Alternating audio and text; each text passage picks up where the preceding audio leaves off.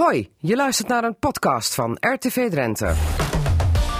Cassata, Margriet Benak. Het is zaterdag 12 januari 2019. Goedemiddag allemaal, dit is Casata aflevering 1038. Over de potige en mondige stadsmarinier... waarmee burgemeester Marco Oud Assen veiliger wil maken. PvdA-kamerlid William Moorlag komt in actie tegen het volle stroomnet... waardoor lokale zonneprojecten vastlopen. En u hoort oud-dijkgraaf Alfred van Hal van Huns en Aas... dit keer als poëet. Het radioforum is er en speciale tafelgasten is... lijsttrekker Thea Pothorst van de Partij voor de Dieren. Cassata, Margriet Benak.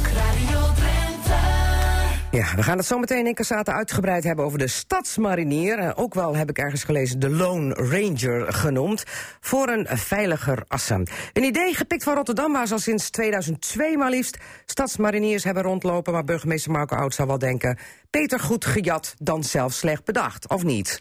Nou ja, als er inderdaad op een andere plek van het land goede dingen gebeuren... dan moet je dat ook in je eigen stad durven doen. Ja, dus uh, u dacht, uh, ik hoorde van het idee of ik uh, zag het idee... en in Assen hebben we ook nog wat probleempjes meepikken. Nou, daar begint het inderdaad. Je kijkt waar je op dit moment staat... en dan gaan er een aantal dingen heel goed en een aantal dingen kunnen beter. En dan ga je ook nadenken over wat zou een volgende stap kunnen zijn. En toen kwam de Stadsmarinier in beeld. Daar hebben we goed over nagedacht en we hopen dit jaar te starten. Ja, en dan is de nieuwjaarsreceptie een heel leuk uh, platform... om zo'n uh, nieuw idee te lanceren in het ja, nieuwe jaar. Ja, er zijn journalisten zoals mevrouw Benak... en die willen graag toch één of twee nieuwtjes ook in zo'n nieuwjaarspeech horen. Dus hey. ik dacht, ik bewaar hem tot dat moment. U kent uw Pappenheimers. We gaan er zo meteen uitgebreid over praten... want uh, zoals altijd eerst in Cassata naar de speciale tafelgast. En dat is een tafeldame vandaag, Thea Potharst... lijsttrekker van de Partij voor de Dieren... met de komende statenverkiezingen op 20 maart. welkom in Cassata. Dankjewel. U bent al geïntroduceerd ook op de nieuwjaarsreceptie van de provincie Drenthe. Maar dat was maar heel kort. Er stonden veertien van de 16 lijsttrekkers op het podium. Het podium was bijna te klein. Even champagne uh, geklonken, gedronken, geproost. En dat was het dan. Ja, klopt. Waar ik wel erg blij mee was, is dat we alcoholvrije champagne hadden. Want dat was een goed begin van het nieuwe jaar. Oké, okay, u bent van de alcoholvrije stempel? Uh, als ik aan het werk ben wel, ja. Oké. Okay. Um, Drenthe is nogal een agrarische provincie. En als je dan de Partij voor de Dieren uh, hebt met u als lijsttrekker... dan denk ik toch wel, is het niet een beetje vloek in de kerk? Nou, kijk, de Partij voor de Dieren is natuurlijk helemaal niet uh, tegen landbouw. Uh, maar we willen wel graag kijken naar het systeem. Dus op hoe we dat op dit moment doen. En daar vinden we wat van en daar willen we ook echt wat aan veranderen. Ja, we gaan daar zo meteen wat dieper op in. Maar eerst even uh, drie maal in scheepsrecht. Want jullie doen voor de derde keer mee, keer mee met de Provinciale Statenvisie. Uh, of de vierde? Nee hoor. Derde, derde keer gaan jullie een poging doen, toch? Nee, dit is uh, de tweede keer. maar dit is wel de eerste keer dat we ook echt met een sterke lijst kunnen komen. En we serieus deelname kunnen verwachten. Dat proef ik uit dat de vorige keer de lijst niet zo sterk was. Um, nou ja, dat uh, ging niet helemaal goed. Dat ging niet helemaal nee. goed. Oké, okay. uh, voor één zetel dan? Nee, we gaan voor minimaal drie zetels. Nou ja, zeg. Ja. Nou, Echt waar? Dat, dat past natuurlijk uh, bij het groeiend verzet, wat we aan alle kanten zien.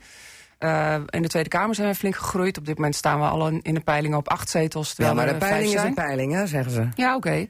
Maar ook in Drenthe verwacht ik, uh, hè, gezien ook de reacties van, uh, van inwoners van Drenthe... Dat, uh, dat er veel belangstelling is en dat we veel kiezers gaan krijgen. Maar ik ben een beetje meer down to earth. zullen we eerst maar zeggen één zetel? Want dat is nog, tot nu toe nog nooit gelukt. Nou ja.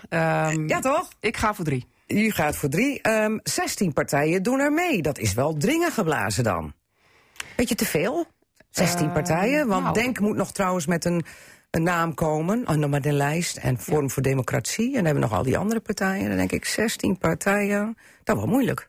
Nou ja, goed, uh, bij de vorige staatsverkiezingen waren er natuurlijk ook heel veel partijen. En uiteindelijk uh, filtert het met de verkies verkiezingen ook wel weer uit. Vorige keer deden er 13 mee, volgens ja, mij. Hè? En, uh, dus ik verwacht ook niet dat alle 16 gaan deelnemen aan de Staten. Nee, u ook al niet, ik ook niet hoor. Want denkt, wie, denkt, wie gaat er niet meedoen, denkt niet. Forum voor Democratie niet? Dat weet ik niet. als ik kijk naar de voorbereiding, dan denk ik dat wij in ieder geval een stapje voor hebben. Omdat we al volop meedraaien in de hele campagne. Ja, want het verkiezingsprogramma is nog in concept en de lijst is klaar. Ja. maar dan denk ik toch van, nou heb ik het programma even gelezen, wat in concept is nog trouwens, van jullie. Uh, dan zie ik toch weer heel veel overeenkomsten met GroenLinks. En dan denk ik van, kun je dan beter niet de krachten bundelen uh, voor één zware grote stem in Provinciale Staten? Dan straks toch met de Partij voor de Dieren, u gaat er voor drie, maar dan denk ik misschien één zetel. Uh, dan heb je niet zoveel in melk te brokkelen. Nou, kijk, de Partij voor de Dieren is natuurlijk een andere partij dan GroenLinks. Maar wij, heel veel overeenkomsten? Er zitten overeenkomsten in, maar ook heel veel verschillen. Want wij uh, dringen echt aan op een systeemverandering. We willen niet een beetje uh, minder of een beetje meer. Maar we willen echt een andere manier van, uh, van politiek bedrijven, maar ook van economie en van landbouw. Oké, okay. even heel kort dan van die systeemverandering, want dat vind ik wel heel wazig en abstract. Wat, wat is dan het belangrijkste in die systeemverandering? Uh, bijvoorbeeld minder dieren houden. Mm -hmm. Dat is een heel ja, geen intensieve thema. veehouderij, zag ja, ik in jullie. dat nemen we sowieso mee. we zijn tegen de bio-industrie. Uh, en we zijn voor een uh, plantaardige uh, toekomst. Dus dat we veel meer plantaardig gaan eten. En dat betekent dus ook in Drenthe dat we meer plantaardige gewassen gaan telen die we gewoon als mensen kunnen eten. Ja, en om dat even symbolisch kracht bij te zetten, staat hier een schaal voor onze neus. Maar helaas, vandaag hebben wij geen, zoals dat mooi heet, visual radio. Omdat nee. het WK Dammen nu op televisie is. omdat ja. het in het pand van RTV Drenthe is. Wat, wat ligt er op de schaal? Nou, we hebben uh, veganistisch gebak meegenomen. Wij ja? hadden vanochtend als werkgroep uh, Drenthe een uh, nieuwjaars koffievisite. En ja, al onze leden van de lijst hebben meerdere talenten. En dus ook het bakken van taart.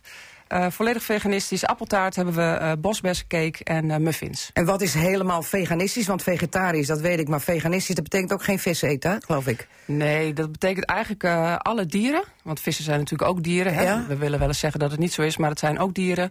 Dat er geen dieren voor geleden hebben voor dit gebak. Ja, zit er dan ook geen melk in? Nee. Ook niet? Nee.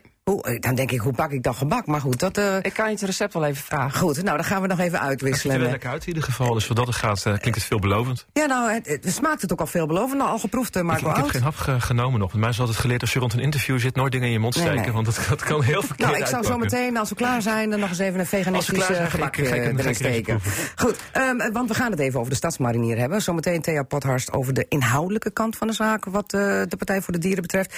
Um, die stadsmarinier, Marco Oud, daarvoor zit u hier, maar ik wil toch even vragen hoe het nu voelt om anderhalve maand partijloos te zijn.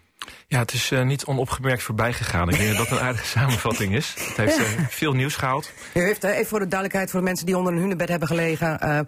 Marco Oud heeft eind november bedankt voor de partij waar hij al jaren lid van was, de VVD. Want hij was het partijinhoudelijk niet mee eens met bepaalde standpunten. Ja, nou dan heb je dat altijd in een partij hoor. Want er is geen enkele partij die denk ik alles biedt wat je precies zo zou willen. Je moet altijd compromissen sluiten en er worden deals gemaakt af en toe. En uiteindelijk moet je ook samen met andere partijen tot, tot, ja, tot, res tot resultaat gaan komen.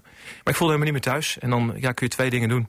Dat is dat, uh, dat ja, een beetje met leedwezen aanzien of een stap zetten. En die heb ik gedaan. Maar vaak kun je ook binnen die partij de veranderingen teweeg brengen... Hè, in plaats van eruit te stappen. Want aan de zijlijn bereik je helemaal niks. Ja, dat, dat, dat kan inderdaad ook. Ik zag vandaag nog een interview met uh, Koen Schuiling, het NRC, zeg maar, die daar ook een uh, stappen in zet. Ja, iedereen maakt daarin zijn eigen Koen keuze. Schuiling, help me even. Die was ooit uh, VVD gedeputeerde, geloof ik, in hij is, Groningen? hij is wethouder geweest in de stad Groningen. Ja. En hij is nu burgemeester van Den Helder. Ja, gaat hij ook stoppen? Nee, die heeft een, de heel, ja, een heel stevig artikel in het NRC geplaatst... waarin hij zijn be ja, bedenkingen bij een aantal dingen neerzet. Ja, maar hij stapt niet op. Hij stapt niet op. Nee, maar, maakt daar zijn eigen keuzes. Maar er is wel een andere burgemeester van Purmerend, ook van de VVD, die is ook opgestapt. Ja, dat heb je soms. Ja, dat heb je soms. Zullen er nog meer uh, uh, opstappen? Want u zit natuurlijk vaak in die burgemeesterskringen. Nou, wat je, wat, je, wat je merkt, en dat staat ook in het stuk van Schuiling vandaag... dat er veel bestuurders best moeite hebben met een aantal dingen. Nou, vervolgens maken mensen hun eigen keuze. Bel heeft dat gedaan, Schuiling doet dat en ik heb dat ook gedaan. Ja, uh, gaat u nog aansluiting zoeken bij een andere partij of voelt het zo prima? Het voelt zo, uh, nou, het voelt niet prima. Want je hebt wel 25 jaar uh, lief en leed ook binnen zo'n partij gedeeld. Mooie dingen met de partij meegemaakt. En uiteindelijk als je dan weggaat, dan voelt het vooral ook heel erg leeg. Uh, tegelijkertijd was het een bewuste keuze en daar sta ik volledig achter. En ik, ja, ik ben nu bewust partijloos. En dat vind ik ook met het ambt van burgemeester. Waarbij je probeert om van iedereen zoveel mogelijk te zijn.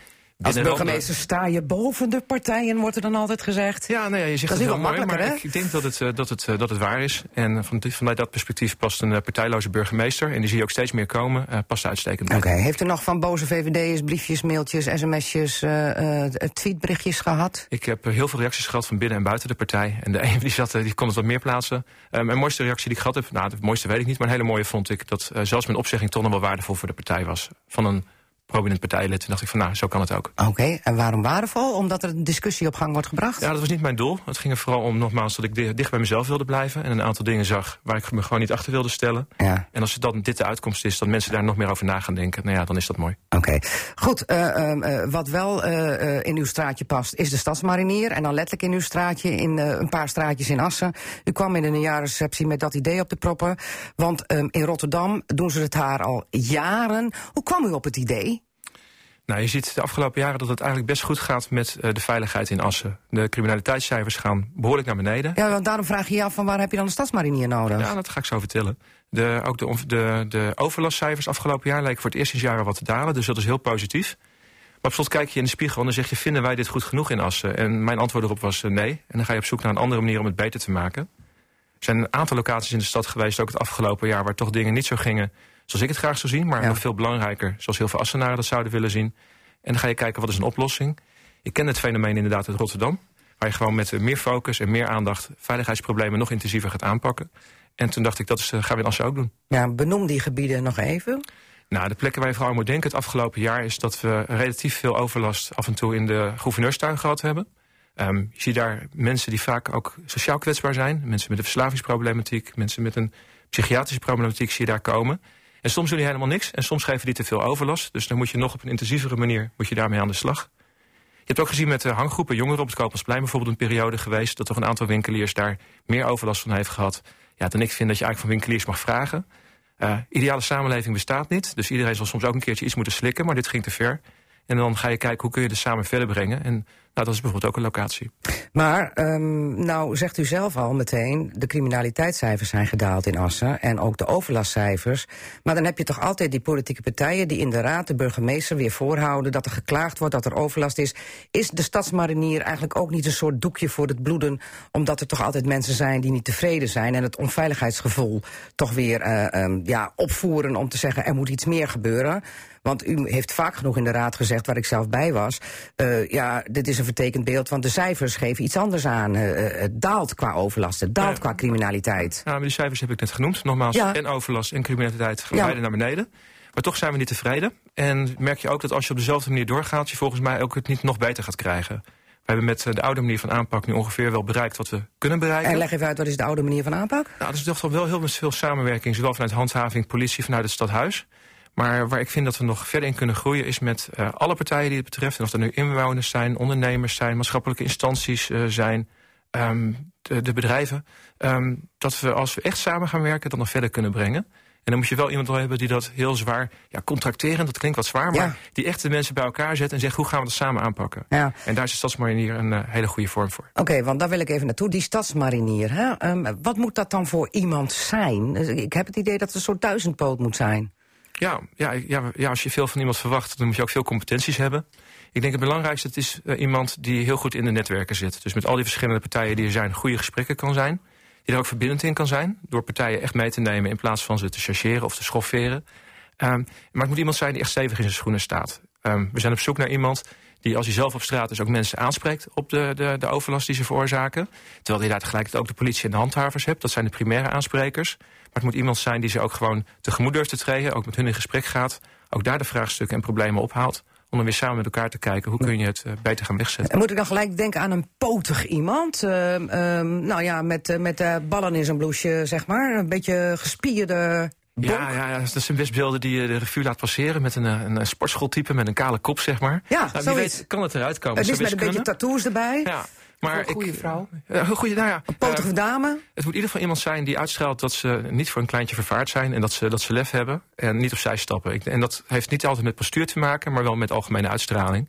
En dat kan Gezag ook, uh, moet hij of zij ja, uitstralen. Nou, dat zie je ook in andere steden waar ze met stadsmariniers werken. Dat zijn zowel dames als, als heren. En dat zijn heus niet allemaal sportschooltypes die het zijn. Maar het zijn wel mensen die de problemen aanpakken... en die uh, dat ook niet loslaten voordat het opgelost is. Ja, en dit is niet iets voor een stadswacht of een wijkagent? Nee, die komen je allemaal wel tegen in het, in het netwerk. Maar het grote verschil is eigenlijk van de stadsmarinier... dat als je daarvan straks verwacht dat als er een concrete aanleiding is... dus een punt waar je mee aan de slag wil gaan... dat hij uh, een probleemanalyse maakt, dus kijkt wat er aan de hand is... vervolgens ook aan de slag gaat met wat zou de oplossing kunnen zijn... en vervolgens ook met alle partijen aan de slag gaat om dat te doen. En dan merk je met een wijkagent of dan merk je met iemand vanuit onze toezichtsgroep... dat die daar een deel van zijn... En het is ook iemand die heel dicht tegen het bestuur... en vooral tegen de burgemeester aankomt te zitten. Dat is ook wel het bestuurlijk jargon. Maar iemand met een hele directe contactlijn bij mij. Dat als hij wat tegenkomt ja. en er is doorzettingsmacht nodig... dat we dat ook organiseren. Want is dat ook niet de kracht van die stadsmarinier... dat hij uh, dan niet onder de politie valt... zodat er weer overleg uh, over en weer plaats moet vinden... maar dat die rechtstreeks onder u valt als burgemeester... zodat je een kort lijntje hebt en als er een probleem is... dat je dat gelijk uh, kan aanpakken? Nou, de samenwerking met de politie in Assen is echt heel erg goed. En de contacten die ik daar heb, ben ik ook ontzettend blij mee. Oké, okay, maar die ken ik niet goed genoeg. Nou, niet als je iemand wil hebben die het probleem analyseert... de oplossing uh, gaat, gaat bouwen en verder. Ze hebben daar een, een deel in te spelen. Dat kan zowel zijn mensen vanuit de wijkagenten... maar ook andere mensen uit het team die dat, die dat doen. Maar dit is echt iemand die het hele vraagstuk van A tot Z. Oké, okay, maar het, het probleem analyseren vind ik dan weer zo abstract klinken. Dat, dat, dat, ja, dat, dat, dat denk ik van, het is een, een, een, een, een supermarinier, wat ik zeggen, een superambtenaar. Uh, uh, onder de titel stadsmarinier. Die gaat naar de gouverneurstuin. Daar zitten nog wel eens drugsverslaafden. Er wordt in de bosjes gepoept. Uh, er worden spijkers uit het podium getrokken. Of schroeven uit het podium. Ja, nou ja, dat, dat gebeurt ook, maar dat is vandalisme. Ja. Is, moet het dan ook iemand zijn die zegt van, die betrapt iemand die zegt van, hé hey, jongen, hou er eens even op en ga eens even een eindje wieberen? Nou, elkaar aanspreken op wat er gebeurt. En dat geldt niet alleen hier, maar dat geldt in algemene zin. Ik denk dat het goed is. En je moet dus iemand hebben die daar niet bang voor is. Nee. Die erop af durft te stappen. Die durft erop af te stappen. En uh, mijn ervaring ook, de momenten dat ik dat, dat zelf doe... Uh, dan kun je best met die groep in gesprek. Niet altijd, want er zijn wel vaak mensen waar wat mee aan de, aan de, aan de hand is. Als ja. iemand verslaafd is en een shot nodig heeft... of iemand psychisch aan de war is, dan moet je dat op een verstandige manier doen. Maar het meest belangrijke is dat je kijkt... hoe kun je de oplossing verder brengen. Uh, al heel gauw klinken er stemmen om het heel repressief aan te pakken... Uh, en met de stadsmarinier lokken Repressief, leg even uit aan mensen die ja, nou, geen idee hebben de, de uh, wat dit nou die is. nog iets ouder zijn dan ik ben, die kennen de kop in de krant nog wel van Jannen vegen dampschoon, zeg maar. En dat waren ook de mariniers die dat, die ja. dat deden. Nou, dat moet je zich niet voorstellen bij nee. de stadsmarinier. Maar het is wel iemand... Dus niet het waterkanon erop. Nee, nee, nee, nee, nee, ik zie hem nog niet met de waterkanon op pad gaan. Maar er is een vraagstuk en je moet erop afstappen. En dat is dat actieve, dat er op, stap, op afstappen is. En we deden ook de afgelopen jaren, al wel ook vanuit ons veiligheidsteam bij de gemeente... heel veel dingen die voor een deel leken op wat er nu gaat gebeuren. Maar je geeft er nu focus op en je maakt ook aan de buitenwereld duidelijk van deze meneer of deze mevrouw. Ja. Dat is de stadsmanier van Assen. En die is bezig om deze dingen aan te pakken. En dat is geen cliffje erbij. Nee, deze is, uh, staat daar volledig voor opgesteld. Dus wat mij betreft wordt de stadsmarinier de verbeelding van de aanpak van veiligheid okay. in Assen. Maar dan wil ik toch nog even weer terug naar mijn eerdere opmerking. Het is ook iets tussen de oren, hè? want u gaf zelf al aan de cijfers dalen, criminaliteit, uh, overlastcijfers dalen. Ja. Maar toch blijft er uh, geklaagd worden, ook door winkeliers, die dan weer uh, jongens met hoodies op het plein zien hangen, waardoor klanten zich weer afgeschrikt voelen. Is dat ook een signaal naar hen toe van, kijk eens, we doen er iets mee, we hebben nu hier de oplossing, de stadsmarinier. Nee, het is niet kijk eens, we doen er iets mee. Hier is de oplossing, hier is de stadsmarinier. We zeggen hier is de stadsmarinier en die gaat samen met u kijken wat we daaraan kunnen ja. doen.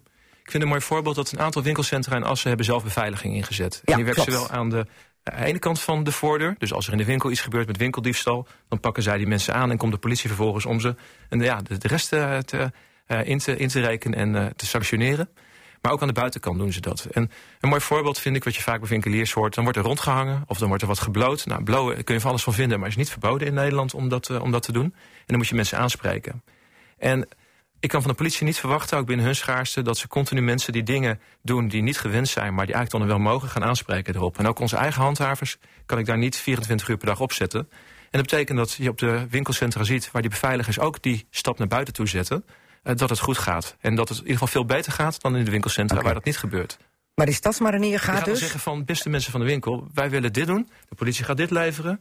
De ja. toezicht gaat dit doen. Maar wat gaat u er zelf aan doen om samen aan dit vraagstuk te werken? En die stadsmarinier, gaat hij dan die blowende jongeren er wel op aanspreken... dat het misschien toch op een andere plek uh, nou, gewenst is? Volgens mij hij daar wel vaak mee. En dat zie je dus in de voorbeelden waar de beveiligers dat bijvoorbeeld wel doen. En in die passage staan ze niet. Dus ja, schrijven verderop staan. Want ja. het is heel vervelend. De klanten die bij winkel binnen gaan. En dan zie je ook vaak dat ze inderdaad wel opzij stappen. Want dat ze ook wel snappen dat als zij voor een winkel staan te blowen... en mensen moeten door die walm heen naar binnen toe... dat het niet prettig is voor die winkelier. Oké, okay. maar dat is nou net even een punt wat u aanroert... wat ook kritisch uh, wordt gevolgd in Rotterdam.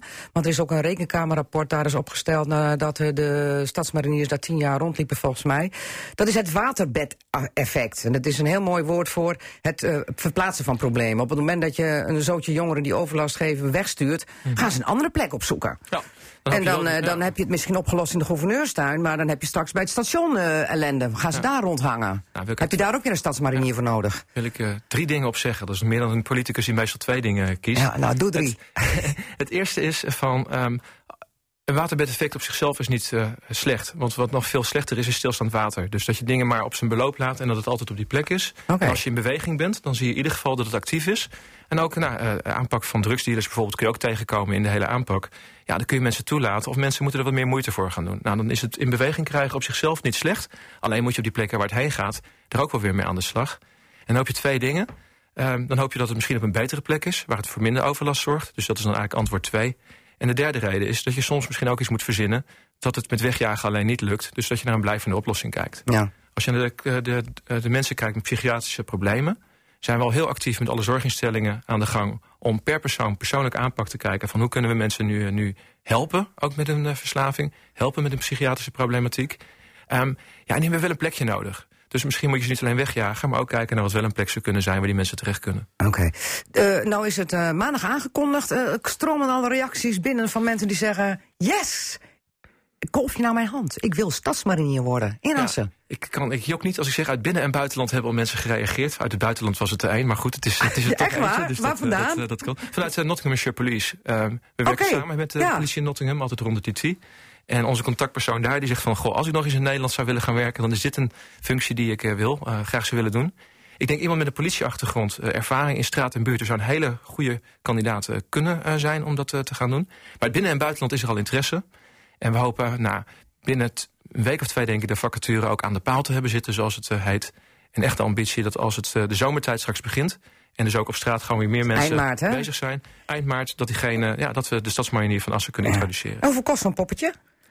Nou, het is een superambtenaar, zoals je, zoals je zegt. Ja. En er gelden uh, stevige spelregels van. Ik heb ook gezegd in het team, toen we ermee aan de slag gingen... van laat het geld nu niet het, het, onderwerp zijn. We gaan het eerst voor twee jaar doen. Dan kunnen we kijken of het, uh, of het uh, oplevert. Je moet zoiets nooit gelijk voor onbepaalde tijd doen. En het mooie van zo'n periode van twee jaar... is dat je ook net een klein beetje buiten alle geba ja, gebaande paden heen... wat dingen kunt organiseren. En ik hoop dat het werkt. Ik heb ook alle vertrouwen in dat het werkt.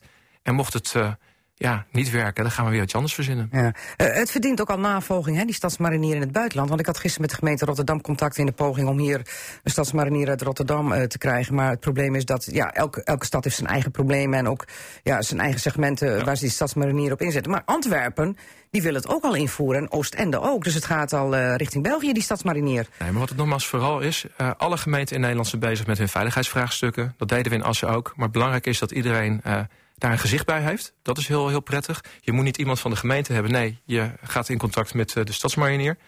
En dat uh, je daarmee ook laat zien dat het... Uh, ja, het is de verbeelding nogmaals van de aanpak van veiligheid. En ja. daarvoor is het een, een pakkende term. Oké, okay, even over verbeelding gesproken. Um, hoe is hij of zij herkenbaar? Want ik begrijp dat hij geen uniform draagt. Ook geen wapenstok en ook geen pepperspray. Dus wat, hoe, hoe herkennen we de stadsmarinier? Nou, ik denk dat stadsmarinier bij de mensen die het moeten weten al heel snel bekend is. Want dat vragen we juist van hem. Ga met alle partijen die het betreft, uh, ga daarmee in gesprek. En voor, voor het voorbeeld, ik krijg regelmatig uh, op allerlei verschillende manieren uh, signalen, bijvoorbeeld van ondernemers. En dan zeg ik vaak, goh, wat jammer dat je dat aan mij vertelt. Dus ik vind het jammer dat je het mij vertelt. Het is goed dat je het mij vertelt, maar ik ja. had zo graag gezien dat jij dat verhaal al bij iemand anders had neergelegd voordat het bij mij terechtgekomen was. Bij de wijkagent dan? Of bij, ja, nou, maar als je zo'n locatie in de gouverneurstuin hebt, bij wijze van spreken. Nou, Fusus zit daar met hun, met hun theehuis, en andere partijen omheen. Dus het is heel snel duidelijk. En ik gok zomaar dat bij RTV Drenthe en misschien ook bij andere media... als de stadsmarinier er is, ze ja, niet weten hoe snel ze dat gezicht ook bekend moeten maken. Dus ik krijg van jullie vast ook nog enige hulp. Oké, okay, goed. Marco Oud, uh, wij gaan uh, Assen op de voet volgen met betrekking tot de stadsmarinier. En uh, zodra hij, of misschien wel zij, misschien aan de slag gaat, ja. gaan we ermee op pad. Dank u wel voor uw komst naar Cassata. Cassata, Cassata, Margriet Benak. De kunst is om de kunst te laten. En de natuur, natuur. Om waterstromen hun eigen weg te laten gaan. Ja, dat is mooie poëzie, afkomstig uit de dichtbundel Eiland in wit licht van de hand van oud-dijkgraaf Alfred van Hal van Huns en. Zometeen gaan we ons daarin onderdompelen. Welkom Alfred van Hal. Dank. En we gaan het hebben over het volle stroomnet, waardoor lokale zonne-initiatieven er niet meer op terecht kunnen. William Moorlag, PvdA-Kamerlid, komt in actie en roert de trom. Dat zeg ik toch goed, William Moorlag? Ja, dat klopt. Ja, want er moet actie komen, hè? Ja, dat, uh, dat kan gewoon niet. Zo'n voetbalclub als een Nieuwbuinen, dat die uh, geen aansluiting krijgt. Uh, allemaal plannen ontwikkeld voor, voor zonnepanelen, subsidiebeschikking binnen. Nou, um, daarin staat de voorwaarde dat het snel gerealiseerd moet worden... en vervolgens krijgt te horen dat hij aangesloten kan worden. Jammer, want het net zit vol. Daar gaan we zo meteen uitgebreid over hebben... want eerst een speciale tafeldame Thea Potharst... lijsttrekker voor de Partij voor de Dieren. U kent trouwens uh, Alfred van Hal goed, hè? Want u zat Zeker. in het waterschapsbestuur van... Zeker. Alfred heeft mij geïntroduceerd in het waterschap. En hij is ook een... Uh, nou, ik mag hem beschouwen als mijn mentor in die tijd. Oké, okay, dan kan ik zeggen dat Thea Pothorst geen groentje meer is... als het gaat om politiek-bestuurlijke métier. Dat klopt. Ik ja. heb uh, bijna vier jaar op zitten binnen het waterschap Huns en Aas. Ja, maar want waarom bent u eruit? Nou, ik ben verhuisd. Ja? En uh, ik, ik, ja, ik woon nu buiten het beheergebied. En dat is, uh, ja, dan, dan moet je gewoon uh, vertrekken. Dus helaas. Ja, maar dat u, is u zat, voor duidelijkheid, u zat in Assen, u woonde in Assen en u woont Ja. nu in Balingen. En dat is net buiten het gebied van Huns en Aas. Ja, klopt. Want u bent in het gebied terechtgekomen van Drentse Overijsselse Delta. Ja, ja, ander Daar, zit, waterschap. daar zit de Partij voor de Dieren geloof ik niet in het algemeen Nee. eh, bestuur, hè? Nee, nog niet. Nee, Nee. We kiezen nu eerst voor de Provinciale Staten. En uh, nou, wellicht is de volgende stap uh, dat we ook in het waterschap uh, verkozen worden. Maar dat zal dan pas over vier jaar zijn. Ja, want het is tegelijkertijd, hè? Ik zou zeggen, ik zou op twee paarden gaan wedden als ik u was. En waterschapsbestuur en eh, provinciaal bestuur. Ja, nou goed, wij hebben gekozen om te richten op de provincie. En, uh, want dat is op dit moment het belangrijkste. Nou, wie is Thea Pothorst, even voor alle duidelijkheid... voor de mensen die uh, u verder niet gevolgd hebben... in dat waterschapsbestuur van Huns en Aas? Ik ben een uh, betrokken bestuurder. En daarnaast werk ik als, bij de politie... als adviseur op arbeidsomstandighedengebied. Um, en ik ben een, een, een, vrouw van 50, geboren en getogen in Drenthe. En, Waar trouwens? Uh, ik ben geboren in Assen en daar ook getogen. En ik heb wat uitstapjes wel naar Groningen gedaan, hè, in verband met studie natuurlijk. Uh, en inmiddels uh, woon ik dus op het platteland en dat bevalt me heel goed. Ja, en moeder, hè? Ik ben moeder van een dochter van 21 die op zichzelf woont. Dus ja. Dus, en, en, tijd over om vervolgens de verkiezingen aan mee te doen. Nou ja, dat zijn bewuste keuzes natuurlijk. Hè? Ja, want wat trekt u aan om toch in die provinciale politiek te stappen? Ik ben uh, heel erg gemotiveerd om uh, een, toch wel een stukje bij te dragen uh, aan, de, aan de samenleving, aan de wereld. ik, ik ben ook echt verontrust over de staat van de wereld op dit moment. En ik vind dat we daar uh, ja, echt uh, uh, wat aan moeten doen. Oké, okay. en, en wat is, er mis dan, en wat is er mis dan met die staat van de wereld? Um, nou, wat, als, je, als je kijkt naar bijvoorbeeld hoe het met de natuur gaat. het, het, aantal insecten is bijvoorbeeld drastisch afgenomen. Um, we, we zorgen ervoor dat er veel te veel voedingsstoffen in de natuur belanden. Waardoor ook de natuur niet goed kan groeien. En dat zijn echt wel dingen dat, die... Dat, klinkt een beetje onlogisch. Er komen te veel voedingsstoffen in de natuur... waardoor de natuur niet goed kan groeien. Ja, dan, dan niet groeit zoals het zou moeten. Dat bedoel ik met name stikstof. Ja. En he, natuur uh, zou juist niet zoveel voedingsstoffen moeten hebben. He, vooral in Drenthe, he, die gedijt juist op, uh, op schrale gronden. Ja. Uh, dus daar zouden we voor moeten zorgen dat er minder stikstof komt. En dan kom je eigenlijk al heel snel uit op de veehouderij. De boer. Want uh, uh, die is schuldig aan wat er nu aan de hand is. Ook met um, de bloemetjes, de bijtjes en uh, de natuur. Nou, wij, wij vinden de boer niet uh, de ver, veroorzaker, maar hij is natuurlijk wel onderdeel van het systeem. He, wij, wij, eigenlijk dringen wij de boer op om steeds groter te worden, waardoor er steeds een grotere aanslag op de wereld en op de natuur gedaan wordt. Ja, maar al die monden moeten gevoed worden. Ja, maar dat kan ook op een andere manier. En ja. zeker als je andere keuzes maakt met wat je in je mond stopt. Ja, zoals de veganistische dis die voor onze neus ja. staat. Ja. ja, wij willen ook echt laten zien als Partij voor de Dieren dat het anders kan. Dat je ook prima zonder vlees uh, uh, kunt leven. En uh, dus dat ga ik ook overal vertellen. Oké, okay. hoe lang is Thea Pothorst al veganistisch? Ik ben niet veganistisch, ik ben vegetarisch. Oké, okay. en waarom is Thea Pothorst dan niet veganistisch? Nou, omdat het best lastig is. Ja, uh, het, uh, want dan mag je ook geen eieren, hè? Geen, uh, geen eieren, melk, geen melk. en dat nee. soort dingen. Geen roomboter. Och, dus eigenlijk alles waar dierlijke producten in zitten. Nou ja, ik heb je laten zien hè, met deze hapjes dat het geen armoe is. En nee, het ziet er mooi uit, maar ik heb nog niet geproefd... want ik kan natuurlijk ook niet ja. met volle mond praten... maar, maar ik stok me er zo wel op. Het zijn wel wat bewuste keuzes die je moet maken. Ja. Ja. Wat is een belangrijk speerpunt? Uh, of noem eens een paar belangrijke speerpunten waar jullie voor inzetten, even kort. Want straks na één uur gaan we er verder over praten. Ja. Nou, uh, duurzame energie. Ja. En uh, welke duurzame energie kiest u voor dan? Um, eigenlijk staat natuurlijk energiebesparing voorop. Hè? Ja. Die wil ik wel genoemd hebben. En daarnaast... Uh, dus je huizen eigenlijk zo potdicht mogelijk maken... om zo min mogelijk energie naar buiten te laten stromen? En zo weinig mogelijk uh, gebruik maken van energie. Ja. Hè? Daar zit ook nog uh, heel veel winst in.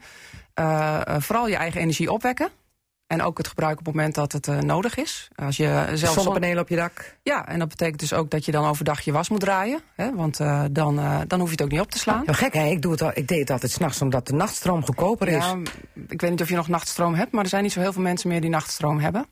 Ik weet, ik weet het niet. Ik heb wel een meter 1 en meter 2. Dat is wel nachtstroom. Ja. Maar en? dus nog geen duurzame energie. Goed, overdag moet ik dus wassen uh, als ik zonnepanelen ja. op mijn dak heb. En verder? Uh, verder, uh, ja, inderdaad overstap maken naar meer plantaardig eten. en dus ook meer plantaardig verbouwen. En daarbij hoort eigenlijk... Je eigen moestuin dus? Je eigen moestuin, maar ook onze boeren in Drenthe oproepen... om vooral plantaardige gewassen te gaan telen en dan zonder gif. Oké, okay, en noem eens een plantaardig gewas wat de boer moet gaan planten? Um, de, de, de groene ert, die is heel eiwitrijk... Die kunnen we heel goed gebruiken. En daar kun je prima, um, ja, die eiwit kun je prima gebruiken om, uh, om goed uh, van te eten. We gaan zo meteen nog even duiken in het uh, verkiezingsprogramma. Want ik zag nog een paar opmerkelijke punten. En we gaan straks de Pothorst even het, allerlei kwesties voorleggen in het kader van een kwestie van kiezen. En uh, u noemde het net al even, hè, duurzame energie, uh, zonnestroom. William deze week op de bres met schriftelijke vragen... omdat het net vol zit en lokale initiatieven... zoals bij zo'n voetbalclub in Nieuwbuinen... eigenlijk niet meer op dat net terecht kunnen. Want die kunnen er wel inpakken. Het net is vol. Niet in heel Drenthe trouwens, hè, voor alle duidelijkheid. Nee, niet in heel Drenthe, maar wel, wel een groot deel van, van Drenthe. Ook op andere plekken in het, in het land... Kijk, aan de ene kant ja, is vooral het... hier, hè, want de grond uh, schijnt hier wat goedkoper te zijn... waardoor er allerlei grote zonneparkinitiatiefnemers uh, bovenop die grond gaan zitten... en projecten ontwikkelen. Ja, en daardoor ontstaat er een uh, Wild Westen situaties... Um, waar de meeste euro's te verdienen zijn door grootschalige ontwikkelaars. daar worden zonneparken gepland. En daardoor komen kleine ondernemers, voetbalverenigingen... maar ook boeren die, die zonnepanelen op de daken willen leggen... die komen met de vingers tussen de deur te zitten. En dat is, dat is geen goede zaak. Want het zijn met name zelfstandigen en, en gewone mensen, gewone burgers... die een groot deel van de energiebelasting opbrengen. Ja, en dan zie je dat de grote ontwikkelaars... dat die nu met de subsidies er vandoor gaan. En dat, uh, dat kleine ondernemers en kleinschalige initiatieven... dat die het nakijken hebben. Dat is maar, een slechte zaak. Maar wat ik zo gek vind, is dat er eigenlijk in Drenthe... helemaal nog niet zoveel grootschalige zonneparken echt ook in bedrijf zijn. Dus ik snap niet waarom het kan dat het, zon, dat dat net dan al vol zit. Is het net niet gewoon te klein? Zijn we niet voldoende voorbereid op die energietransitie... waar we eigenlijk al um, tien jaar de mond van vol hebben? Ja, dat is ook een uh, probleem. Um, kijk, een, een, netwerkbedrijf als, als Nexus, die, uh, die wil wel uh, netveranderingen wil die wel realiseren, maar het gaat allemaal te traag. Ja, maar dit hadden we toch al lang zien aankomen. Want nou, nou, want nou roept u, even met alle respect, u bent PvdA-Kamerlid, zit nu in de oppositie, want de PvdA zit niet in het kabinet, maar het was niet zo lang geleden dat de PvdA wel in het kabinet zat en dan ook een paar kabinetten lang. En toen is er niks gebeurd om alvast vooruit te lopen op die transitie die uh, we moesten uh, inzetten. Hè? Allemaal, hè? De, de, aardgas moeten we afbouwen. We moeten naar zonnestroom, we moeten naar windmolenenergie. En dan weet je toch van tevoren dat het net daar niet geschikt voor is. Hoe kan dit? Ja, maar je weet niet uh, precies waar, uh, waar die uh, grootschalige initiatieven ontwikkeld worden. Het neemt ook een hoge vlucht. Dat vind ik op zich gewoon positief. Dit was niet voorzien, die hoge vlucht? Nee, nee, want op zichzelf een aantal jaren geleden was zonne-energie was nog, was nog peperduur. Het leek helemaal niet rendabel. Het wordt nu wel in hoog tempo wordt het, wordt het rendabeler. Ja, en dan kun je zeggen, ja, in de planning allerlei, uh, allerlei uh, fouten zijn er misschien in gemaakt. Het lijkt wel een beetje op Piet Paulusma. Die, die zei ooit eens een keer, de verwachting was uitstekend. Alleen het weer heeft zich er niet aan gehouden. He, um, maar we zitten nu wel met de situatie zoals die nu is. En um, waar ik voor uh, pleit, is dat die kleinschalige initiatieven... dat die voorrang gaan krijgen op de grootschalige initiatieven. We hebben op dit moment al de praktijk dat groene energie voor uh, grijze energie gaat. Dus bijvoorbeeld uh, een, een, een uh, windmolenpark die krijgt voorrang op een, op een kolencentrale. Maar ik wil dat in de groene energie dat ook de kleinschalige initiatieven krij voorrang krijgen op de grootschalige ja. initiatieven. Wanneer is iets kleinschalig? Waar leg je de grens? Kleinschalig is wat mij betreft um, uh, boeren die uh, hun uh, daken willen beleggen. Het gaat om bedrijfsgebouwen waar ook daken worden, worden belegd. Dus het, even, dan het dak heeft voorrang? Het dak heeft wat mij betreft voorrang. maar wat je ook ziet is dat er veel landbouwgrond nu wordt aangewend voor, voor zonne-energie. Dat vind ik, dat vind ik ook een zorgelijk punt. Ja. Ik vind dat we zuinig met onze ruimte om moeten gaan in Nederland. En in, in Nederland is zo van elk stuk grond groter dan een postzegel hebben we een bestemmingsplan voor. En we hebben meester Frank Visser die met de duimstok nameet of alles wel, uh, wel, wel goed, uh, goed op zijn plek komt. wij moeten zuinig met ruimte omgaan. Dus eerst overruimte op bedrijventerreinen gebruiken, daken volledig gaan, gaan gebruiken, uh, overruimtes bij, bij wegen gaan gebruiken. Maak maar uh, snel fietspaden met, met uh, overkapping van zonnepanelen. Kun je ook nog droog naar je werk uh, fietsen. Um, we moeten daar veel slimmer mee, mee omgaan in plaats van -huh. grootschalig alles op agrarisch gebied volplempen. Okay. Waarbij ook de grote ontwikkelaars met, met, met het geld er vandoor gaan. Maar er zijn er ook, want we hebben dan een voorbeeld in Drenthe met de voetbalvereniging Nieuwbuinen. Maar er is ook een boer die ook op zijn akkers uh, zonneparkje, of zonnepark, ja, wanneer is het een parkje of een park, aan wil leggen. En die komt ook in de knel, die had ook alles rond. Die, die, wat, dat, wat dat betreft zegt hij van, nou, die hoeft dan niet. Want gisteren is ook bekend geworden dat een boer aan de Asserwijk, een kippenboer, die stopt met zijn bedrijf. Die zit klem tussen een golfbaan en een woonwijk. En die heeft drie hectare liggen en die wil daar zonnepanelen op doen. Zit niemand in de weg, zit gewoon bos omheen. Zou die dan niet mogen? Uh, wat mij betreft zou die voorrang moeten krijgen op die hele grootschalige ontwikkelaars. Ja. Maar uh, absolute voorrang moet er uh, komen voor kleinschalige initiatieven, voor sportverenigingen, voor dorpshuizen, voor bedrijven die, die zonnepanelen op hun daken willen, voor boeren die zonnepanelen op hun daken willen. En dan pas de open ruimte gaan, gaan, gaan benutten. Maar ondertussen sleutelen aan dat net wat nu gewoon al vol zit, dat elektriciteitsnet? Ja, dat, dat, dat, moet, ehm, dat moet gewoon absoluut, dat net dat moet versterkt worden. Ik sprak laatst, het is geen industrie in, in de buurt bij Gemmelot-complex, uh, waar DSM zit in uh, Noord-Limburg. Die gebruiken 1 miljard kuub aardgas per jaar. Ja? En die zeggen, ja, als wij over willen gaan op elektriciteit, dan moet er gewoon een 380 kilovolt leiding dwars door Nederland komen van de windparken van de Noordzee af om ons van, uh, van energie te gaan, gaan voorzien. Dus het is een immense opgave. Ja. Dat net dat moet worden versterkt. Dat kost tijd. Maar zolang, zolang er schaarste is, voorrang geven aan kleinschalige initiatieven. En ondertussen keihard sleutelen aan dat net. Want uh, dan staat vandaag in Dag van het Noorden dat Nexus zegt van... wij willen eigenlijk voorrang krijgen of kortere procedures... voor het aanleggen versterken van het net. En nu zijn de procedures te lang, want ze schatten in als het gaat zoals het uh, nu volgens de procedures gaat, gaat vijf jaar duren. Dat is te lang. Zorg, provincie, voor een kortere procedure. Is dat wat u betreft een ja? Ja, um, daar hebben we ook een, een, een, systeem voor. Een aantal jaren geleden is de crisis en herstel weer eens er gekomen ja. om allerlei uh, ontwikkelingen die traag verlopen om die, uh, om die te gaan versnellen. Ja, maar dan gaat het nog niet snel genoeg volgens mij. Het duurt ook jaren. Nee, maar uh, mijn motto is waar een wil is, is een omweg. Uh, dus uh, regelgeving gaan, gaan, gaan aanpakken.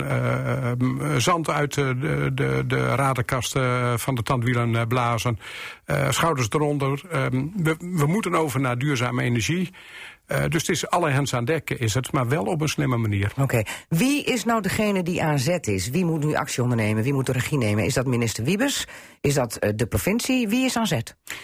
Uh, ik vind uh, primair de minister. Ja? Uh, die is systeemverantwoordelijk, zoals dat dan in het jargon heet voor totaal energiesysteem. maar die moet een aantal partijen even bij het oor pakken. Dan gaat het om het netwerkbedrijf, gaat het ook om, om, de, om de provincies, om die procedures te gaan versnellen. En er moet, uh, wat mij betreft, uh, wetgeving komen. Voorrang voor kleinschalige initiatieven boven de grootschalige. Ja, ja. En die grootschalige uh, grootgrondbezitters die daar een zonnepark op willen hebben... die moeten maar even in de wachtkamer gaan zitten. Uh, ja, wat mij betreft uh, wel. Ik vind dat we uh, slim met onze ruimte moeten, moeten omgaan. En ik vind dat degenen die de meeste energiebelasting opbrengen... dat zijn gewoon burgers en kleine zelfstandigen ja. zijn dat... dat die ook als eerste in de rij moeten staan... als het gaat om het toekennen van subsidies. Maar even tot slot, dat zet dan geen zoden aan de dijk. Want als ik al weet dat bijvoorbeeld 14.000 panelen op 3 hectare grond... slechts goed is voor 4 megawatt, dat is één windmolen. Dan denk ik, dat schiet helemaal niet op eigenlijk... als je dan alleen straks met daken aan de slag gaat... en kleinschalige initiatieven. En we lopen al ver achter. Onderschat dat uh, niet hoor, want er zijn echt tienduizenden hectares aan, aan uh, dakoppervlakte uh, zijn er. En ehm, die kunnen we gewoon goed benutten. Er zijn overruimte op, op bedrijventerreinen zijn er. Wat mij betreft moet je de grote open ruimtes moet je, ehm, moet je pas als laatste aan, aan okay. snee brengen. Je moet ook voorkomen dat er een concurrentie gaat ontstaan tussen voedselproductie en energieproductie. nou, um, is de PvdA niet zo groot meer, dus niet meer zoveel invloed. Welke partijen heeft u uh, mee om uh, dit initiatief voor elkaar te krijgen? Eerst de kleinschalige projecten en de daken en dan pas die uh, grote parken? Nou, ik denk dat, ik, um, dat de ChristenUnie daarin mee kan, kan krijgen, mogelijk ook het CDA. Er is eerder dit jaar is er in de Kamer bepleit met brede steun uh, dat, uh, dat je de uh, grootschalige zonneparken, dat, dat je die pas als laatste zou moeten gaan, gaan benutten voor, voor zonne-energie. Dus dat idee dat je kleinschalige initiatieven, dat je die voorrang geeft en dat je eerst dak, dakoppervlakte en overruimtes op bedrijfsterreinen gaat benutten, dat heeft wel breed draagvlak in, in de Kamer. Goed, we gaan afwachten hoe snel het net opgerekt wordt en of kleine initiatieven ook van minister Wiebes voorrang zullen krijgen. William Moorlag, PvdA-Kamerlid, dank u wel voor de komst naar Cassata. Cassata. Altijd in de buurt. Radio Drenthe. Ja, de derde poëziebundel van Alfred van Hal. Bekend als dijkgraaf van Huns en Aasma. Inmiddels anderhalf jaar al met pensioen, of niet Alfred van Hal? Dat klopt helemaal. Ik mag je zeggen, hè? Je mag je zeggen, Ja. ja. Een derde bundel, eh, Eiland in Wit Licht. Gaan we het zo over hebben. Ik wil even naar de actualiteit. U was deze week in het nieuws samen met oud-gedeputeerde Tanja Klip... want u bent ooit in 2012 opgestapt als commissaris... bij de waterleidingmaatschappij Drenthe, WMD... omdat het toch eigenlijk wel een risicovol avontuur werd daar, hoor, met Wildlands. Heeft u nou zoiets niet, nu eh, eh, wat er allemaal in het nieuws is van... zie je nou wel, ik heb altijd wel gelijk gehad? Ja, ik heb een beetje hekel aan, eh, aan bestuurders die achteraf zeggen dat ze gelijk hadden. Ik had liever geen gelijk gekregen. Ja. Voelt wel een beetje zo. Maar kijk, dat Wildlands moet gewoon voortbestaan. Maar ik, wij vonden toen het bedrijfsplan en vooral de financiële onderbouwing... vo- vonden wij te zwak. Doe dat nou niet, akkoord. WMD-commissaris. Ga daar nou niet mee in zee, want dan krijgen we straks als Wildlands een deksel op de neus. Of als WMD Ja. een deksel op de neus. Ja, dat hebben wij toen gezegd. Ja. En nu blijkt een beetje dat dat zo gaat. Maar eh, we moeten niet omzien in, eh, in boosheid. Maar ik zou wel eh, willen aanraden aan de onderzoekers die nu gaan kijken hoe, hoe het financiële plaatje tot 1 mei ook is. Om toch ook eens te kijken naar die constructie waar wij toen van zeiden. eh, van dat moet je eigenlijk maar niet doen. Ja, dat is heel ingewikkeld, financieel technisch, Ja. maar dat is een hypotheek, eh, eh, hypotheek op een erfpacht. En de grond namelijk waar Wildlands op staat is van die WMD. Dus ja, dan zit de WMD wel heel diep in dat Wildlands. En aangezien het daar niet zo goed gaat, dan vraag ik me af of we straks als burger de rekening betaald krijgen voor ons de drinkwaterprijs. Ja, hoe Ja. je dit gaat oplossen. Kijk, er zijn natuurlijk aandeelhouders. Dat zijn de Drentse gemeenten en dat is de provincie voor 50% En die moeten met elkaar een oplossing zien hoe je dat eh, financieel afwikkelt. En ehm, ja, het is goed om te kijken van eh, hoe zijn de leningen, hoe zijn de geldstromen en wie is waarvoor verantwoordelijk. En ik was toen voor de BMD eh, verantwoordelijk en niet voor al die andere overheden en belangenpartijen. Maar laten we vooropstellen, Wildlands moet blijven en er moet een gezonde financiële basis zijn om daar in de toekomst mee verder te gaan. En Ja. dat is, wa- was mijn punt en blijft ook mijn ja. punt. En voordat het zover is, die financiële gezonde basis... zal er nog heel wat water door de Drentse aan moeten stromen. Dat lijkt hè? mij wel, ja. Ja. Eh, eh, we gaan het over stromen hebben, want eh, uw dichtbundel, of je dichtbundel, de derde... is dat nou zoiets omdat de, de oude dijkgraaf tijd zat heeft... om lekker te mijmeren, kijkend, lopend door het landschap... en die voelt dan weer een mooie dichtregel in zich opkomen? Nou ja, dat is zeker zo. Maar ik weet dat ooit, toen ik hier bij mijn eerste en mijn tweede zat... toen zei je van, ja, een dijkgraaf heeft zeker niks te doen. Ja. Want hij schrijft alleen maar boeken en eh, bundels. Dus je doet het eigenlijk nooit goed. Ja, want even voor duidelijkheid, dit is de derde dichtbundel... Ja. maar er zijn ook al drie romans geschreven, hè? Ja, vijf boeken heb ik geschreven en drie dichtbundels. Oh, vijf al. Ja, ja, het Ja. gaat hard. Ja, Als je maar tijd wie schrijft, die blijft, hè, zeggen Wie ze wel schrijft, eens. die blijft. Ja. Maar eh, is dat dan ook iets wat nu, waarvoor eh, je meer tijd hebt dan? Ja, je hebt, nou, dit is al, dit is al 2,5 jaar, hè, zo'n boekje. Dus er zit gewoon... eh, Jij zit daar 2,5 jaar werk aan? Ja. Echt ja, waar? niet natuurlijk altijd 2,5 jaar bezig Nee. zijn. Maar je schrijft dus een periode en dan schrijf je er vijf of zes. Kijk, in zo'n gedicht, da- daar zitten weken werk in soms.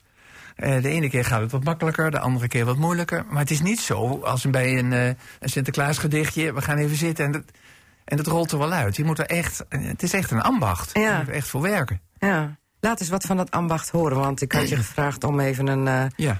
Een mooi kort gedicht voor te dragen. Heel poëtisch in Casata. Nou, dit gaat over een vrouw die afscheid neemt van haar huis aan de rivier. En daar heeft haar heel lang gewoond, kindertjes opgevoed. Man is overleden en ze moet afscheid nemen van dat huis. En vlak voordat de sleuteloverdracht is, gaat ze nog één keer naar dat lege huis. En dan is deze mijmering haar ten deel gevallen. Huis aan de rivier. Als afscheid naar mijn lege huis te gaan. De lange oprijlaan, de boomgaard aan weerskanten de zwart geteerde schuur met de verweerde spanten, nog eenmaal aan de rand van de rivier te staan. De moestuin vol met laatste vruchten, rijpe druiven in de najaarszon. Ik weet hoe ik hier ooit begon, verliefd op imposante luchten. Door wijkend hout voel ik een zachte wind. De kamers hebben een verhaal, al zijn ze leeggehaald en kaal. Hier is geleefd, gelachen en bemind. In de keuken met de grote schouw hoor ik voorbije zielen praten.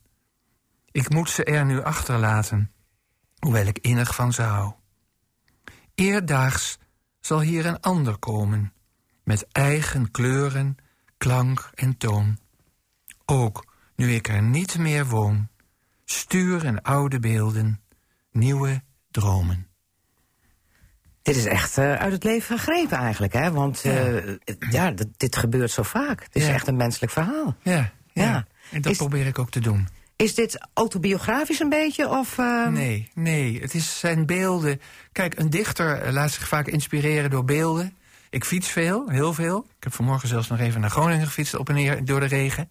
En eh, als je dan zo in zo'n monotone beweging zit, dan komen wel dingen binnen. Ja, ja. En ik zit wel eens in Frankrijk en daar heb je inspiratie. En ik praat met mensen zoals nu ook. Er zijn altijd wel momenten dat iemand iets moois zegt of iemand iets moois eh, beleeft, waar ik dan probeer een vorm voor te vinden. ja. En het blijkt dat mensen, je moet er wel een beetje voor gaan zitten even. Het is niet zomaar een vluchtig boekje.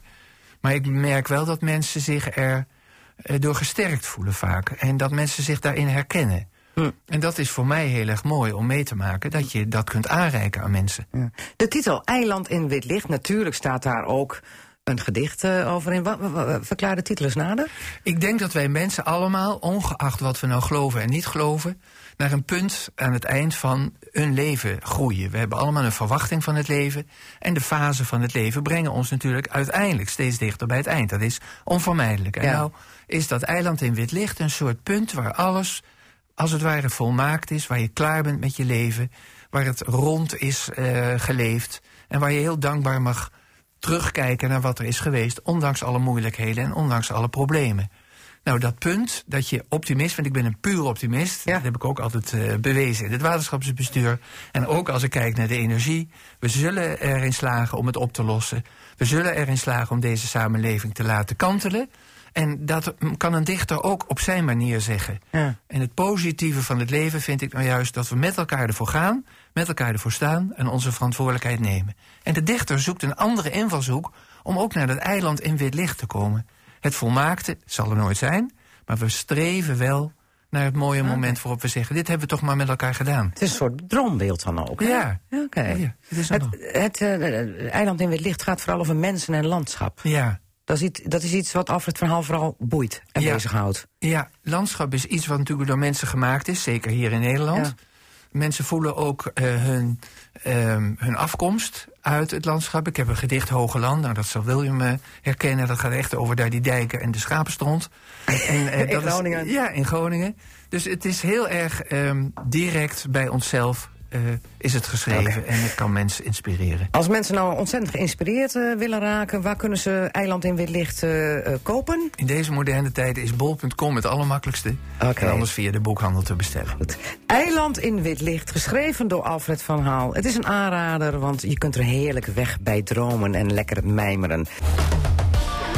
Radio Drenthe, Cassata. Het is bijna zes minuten over één alweer. Tijd voor het laatste half uur van deze Casata-aflevering 1038. Met zometeen het radioforum over actuele kwesties als een minister-president die erop los wil slaan. Discutabele praktijken van animal rights of juist van kippenboeren. En de onderwijsstaking. En welke keuzes maakt Thea Pothorst als lijsttrekker van de Partij voor de Dieren? Want zij is speciale tafelgast en krijgt dan zometeen die stellingen voorgelegd in een kwestie van kiezen. Margriet Benak. Terwijl ondertussen de veganistische hapjes even eh, onder de gasten eh, de neus wordt gehouden. En ik moet eerlijk bekennen, ik heb nou een stukje appeltaart met krenten en het smaakt hartstikke goed. En eh, ik zeg niks veganistisch aan te proeven. het smaakt net als altijd. Ja, maar veganistisch is dan, er zit geen... geen Veganistisch er anders proeven. eh, nou ja, ik denk van geen melk en geen eieren erin. Hoe maak je dan taart? Omdat ik voor mij traditioneel dan taart maak met eieren. En anders kan ik er niet mooi beslagje van Nee, maken. dat, dat, dat hoeft dus eigenlijk helemaal niet. Je, Nee. hebt, je hebt eigenlijk geen dierlijke producten voor nodig om te eten. Ja, en dat, dat- ja goed, aan de andere kant, ik ben wel een boerendochter. Dus dan, ja, ik ben van huis uit wel zo opgegroeid, Thea Pothars. Om dan eens te roepen tegen mijn pa, nou pa, lekker hoor, ik word veganistisch. ik hoef ik niet meer thuis Maar te komen, denk ik. niet helemaal in één keer. Je kan toch ook gewoon een aantal dingen, nou, langzamerhand eh, wat je eetpatronen veranderen. Nou. Agnes Mulder van het CDA, jij zegt het goed. Ik, ik eet wel wat minder vlees. Maar ik eet sowieso wat minder, maar dat heeft met andere zaken te maken. het, Maar wel taartje. Voor. Ja, nou, ik kan toch moeilijk onze speciale tafelgasten met een schaal vol gaan laten zitten. het ziet er wel lekker uit, moet om- gezegd. Omdat Agnes Mulder het afslaat, omdat ze aan de lijn doet. eh, Nee, onze technicus nee, Martin Vullen doet aan de lijn, die slaat het af. Dus Jaap van der Haar, stort je op die schaal. Ik moet, ik moet ook op mijn calorieën letten hoor. Nou. Net, echt waar. Ja?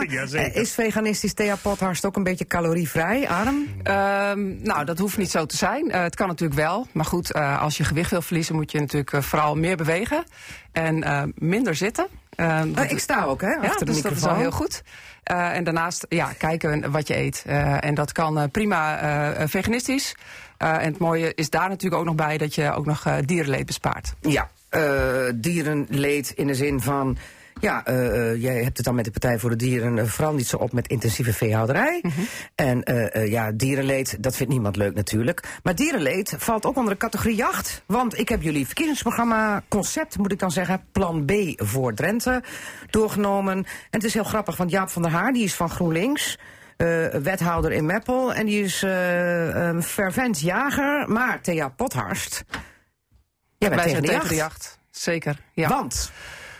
Omdat eh, alle in het wild levende dieren gewoon recht hebben om daar eh, te leven. Hmm. En eh, het is niet aan ons om te bepalen hoeveel dieren daar mogen rondlopen. Maar ja, dan hebben we straks een hele hoop eh, voor de auto in Drenthe als er niet bejaagd wordt. Dat is Ja, natuurlijk- van haar lacht, maar het is wel zo, toch? Ja, natuurlijk. Ja. In, het, in, in een park als Nederland moet je gewoon beheren. Dat gaat er, dat gaat er niet zonder. Kijk, als je jacht, jacht benoemt als het dood, willen doodschieten van dieren, dat moet, de, eh, die, die tijd zijn we geweest. Ja. Maar, je hebt, maar Beheren, be- zeg beheer je. is gewoon Dat noodzakelijk. is natuurlijk de vraag, want Ja. eh, wij weten eigenlijk niet objectief gezien eh, hoeveel dieren er zijn en ook hoeveel dieren hier Dat worden geteld door de faunabeheer Dan moet je verhaaltjes gaan vertellen. Wij weten exact hoeveel reeën er in Drenthe lopen. En we weten exact hoeveel. eh, die worden elk jaar geteld. Die worden elk jaar aan de provincie aangeleverd. De provincie Ja. bepaalt precies hoeveel er moet Maar dan komt het punt, want Thea zegt... Ja, Die worden geteld door de jagers zelf. In dus je hebt nooit een objectieve in je telling. eigen veld, maar in het veld van een ander. Hè, net zo goed. eh, de, Ja, het blijven jagers natuurlijk. Zeg, kom, je Ja, telt je, dan- je, je. Dan zeg je dus die ja, mensen zijn niet integer. Ik vind het toch geen Nee, ik- dat zeg ik niet. Echt, vind ik echt, zeg- echt, echt veel te ver gaan. Als je dat, als je dat zo stelt. ik snap Net- nu waarom GroenLinks en de Partij voor de Dieren in Drenthe niet samengaan.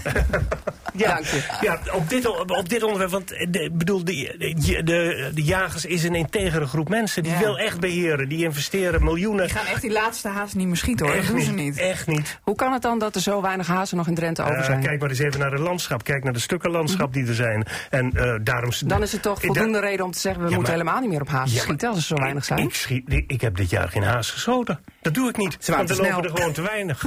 Hier, Nijenveen. Hè? Ja. Ik heb een jachtveldje in Nijenveen. Daar loopt te weinig haas. Tuurlijk schiet ik dan zo'n beest niet. Het Goed. is beheren, het is niet doodmaken. Ik voel eh, straks Ja, bij de komende beheer is statenverkiezingen doodgaan leuke debatten aankomen als het gaat om de lijsttrekkers. En Thea, die, eh, Thea Pothorst moet zich stevig verdedigen. Eh, dat was dus eh, tegen de jacht. Waar zijn jullie nog meer tegen?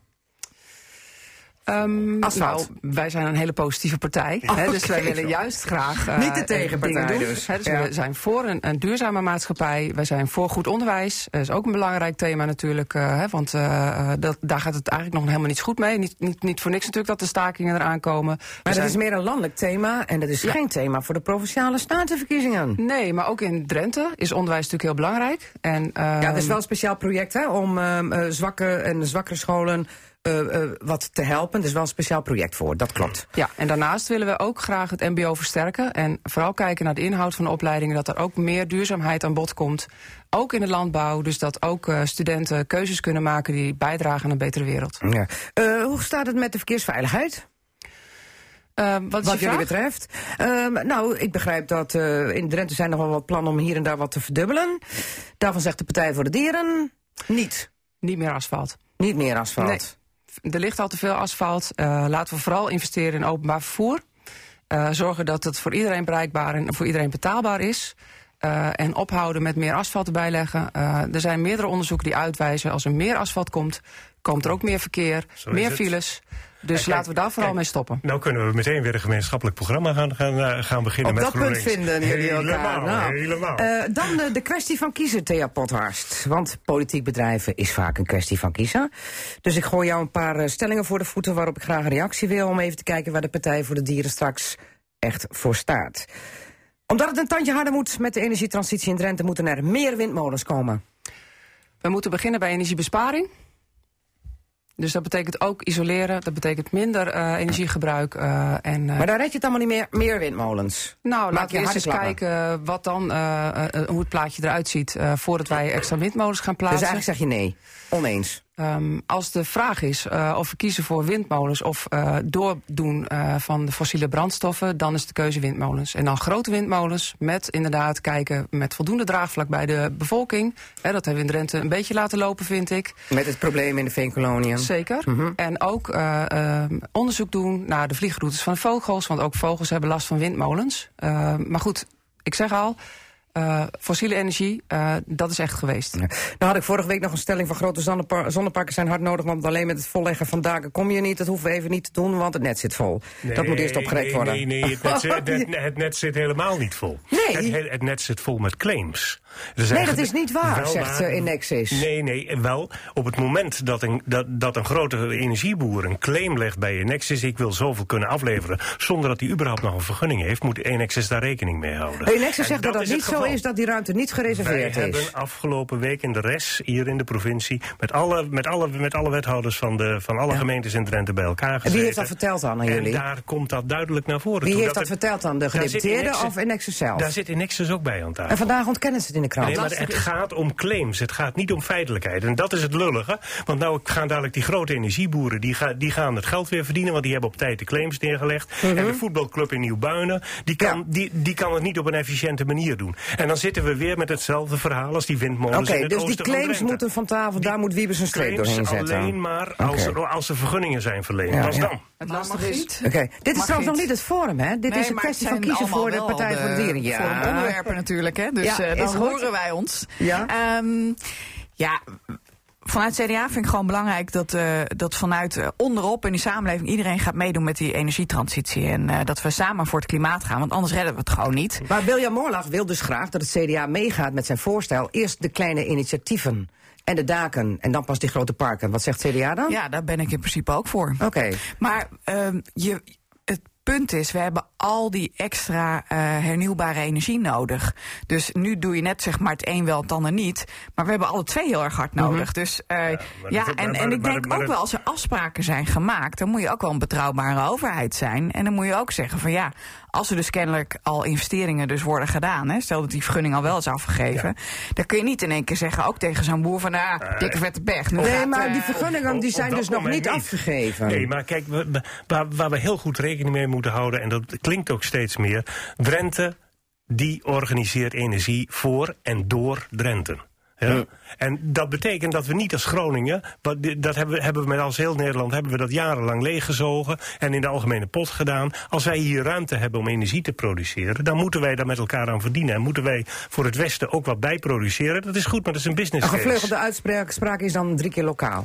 Ja. Lokaal opwekken, lokaal afzetten door lokale mensen. Precies. En daar ook de revenue Precies. laten neerdalen. Daar maar we waren bij de Partij voor de Dieren en Thea Pothast. Nee, Forumleden. We hebben de jingle van het radioforum nog niet gehad. Dus even... Zeker mevrouw. Formule 1 naar het TT-circuit. Daar wil ik als Partij voor de Dieren vol gas voor gaan. Nee, absoluut natuurlijk niet. Uh, wij Hoezo zijn... natuurlijk Nou, niet? het is een, uh, een vervuilende sport. Uh, Oké. Ja, zo simpel is het. Dus niet. Geen Nee. cent daarvoor. Nee. Nou ja, dit weten we eigenlijk ook al. Veilige wegen is een groot goed. De N34 moet hoe dan ook verdubbeld worden. Nee. Nee. Dan maar botsings. Nou, de N34 is natuurlijk de afgelopen jaren al uh, flink verbeterd. Uh, en uh, veel zit ook nog op gedrag van de automobilisten. Dus ik vind dat we daar wel naar kunnen kijken. En met betrekking tot het wild, wat daar natuurlijk ook leeft... ook kijken naar afrastering van deze snelweg. Of van snelweg, het is geen snelweg, maar Nee. van deze N-weg. Sommige mensen denken, was het maar een snelweg? Ja, hè, dus daar wordt hij al een stuk veiliger van, denk ik. Ik denk dat ik wel kan raaien waar dit naartoe gaat. Groningen Airport Eelde moet hoe dan ook in de lucht blijven... en geld van de overheid erin steken is geen probleem. Mogen duidelijk zijn. Hè, we moeten veel minder gaan vliegen. Want vliegen is enorm vervuilend. Dus uh, laten we vooral uh, eelde gaan afbouwen. Hm. Nou ja, in ieder geval zie ik daar weer een overeenkomst met GroenLinks en Drenthe. Ja, zeker. Ja, zeker. Vliegen, dat moeten we echt, echt... Althans, in ieder geval de korte afstandsvluchten binnen... Uh, die moeten we in ieder geval zo snel waar was jij laatst ook alweer heen, Jaap? Ik was laatst naar, weet ik niet meer. Ja, met vliegtuig? nee, nee, Ah, nee.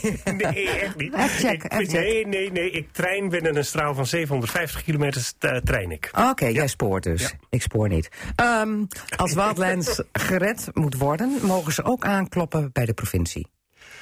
Wij zijn eh, voorstander van eh, afbouwen van wildlands. Eh, ondanks eh, wat hier vaak gezegd wordt, is dat het een, hè, een, een, dierentuin is die gewoon bij Drenthe hoort en die moet er blijven. Wij zijn er voorstander van om dat ook af te bouwen. Ehm, en we willen eigenlijk dit ombouwen naar een opvangplek voor dieren die niet meer teruggeplaatst kunnen worden in het wild.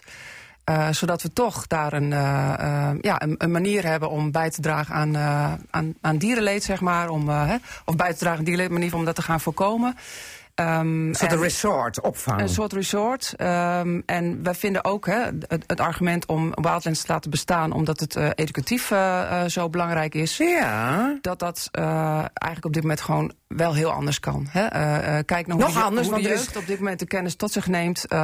Die gaat niet naar een dierentuin om educatief daar voorgelicht te worden over dieren. Als ze iets nodig hebben, dan zoeken ze dat op het internet. Oké, nee, en bovendien gaan ze nu voor die achtbaan, hè? Tweestrijd.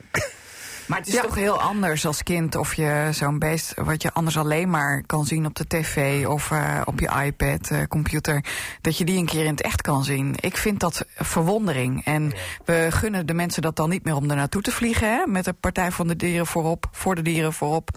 En vervolgens eh, kan je ze ook nog niet een keer eh, ergens dichtbij eh, zien in je eigen land. Ik vind dat dat. is natuurlijk nooit een natuurlijke omgeving dat hè, die je binnen, ziet. binnen een omgeving vind ik, ik, dat moet ik wel eerlijk zeggen, Wildlands heeft het wel heel erg, gedaan. echt mooi gedaan. En in het kader van het dierenwelzijn hebben ze hele grote ruime verblijven... Er waarvan de is kritiek... zo goed dierenwelzijn als in Nederland. En hier wordt iedere keer het beeld ges- eh, geschetst door met name Partij voor de Dieren... alsof het hier echt allemaal verschrikkelijk zou zijn. Ja, En je ik ziet vind te dat weinig dieren omdat ze zo ver weg zitten in grote verblijven. Omdat Nou, dit- ze ruimte hebben. de ja, dieren en dan die vind ik dat zo niet- maar ik denk strijd dat Even je- dat met slot elkaar. naar Thea toe, naar wat- Thea wat- voor dieren wil doen, dat mag gerust. Hè? Maar kijk dan even waar het echt misgaat in de hele bio-industrie. Nou ja, ik voel alweer, weer- alweer een wicht tussen GroenLinks en Partij voor de Nee, maar, Even tot maar slot, concentreer je op de dingen die nodig zijn. De stelling eh, die je mij hebt voorgelegd Ja. gaat natuurlijk over Wildlands en of de provincie daar nog een bijdrage aan moet geven. Nou, wij zijn dus van mening om dat vooral niet te doen. Behalve als dus de directeur besluit, ook in het kader van eh, hoe het nu gaat met Wildlands, om een, eh, een echt een andere koers te gaan varen. En even in reactie op Agnes Mulder is, je kunt natuurlijk het hebben over dierenwelzijn, maar het beste gedijt een dier natuurlijk in zijn eigen natuurlijke omgeving. En met de dieren die nu in Wildlands te zien zijn, is niet een natuurlijke omgeving. Ook al eh, zeggen we dat dat zo is, maar dat is natuurlijk niet zo. Thea Pothorst, helemaal duidelijk hoe jij over de stellingen denkt eh, met de Partij voor de Dieren. Hoe groot is jullie achterban eigenlijk in Drenthe? Nou, we hebben eh, een groeiende achterban. We hebben veel, le- veel leden. Hoe, hoeveel? Wat is veel? Ehm, op dit moment, ehm, ehm, volgens mij hebben we... Nou, ik weet het niet precies. Dat moet ik even voor je nagaan. Dan kom ik even terug.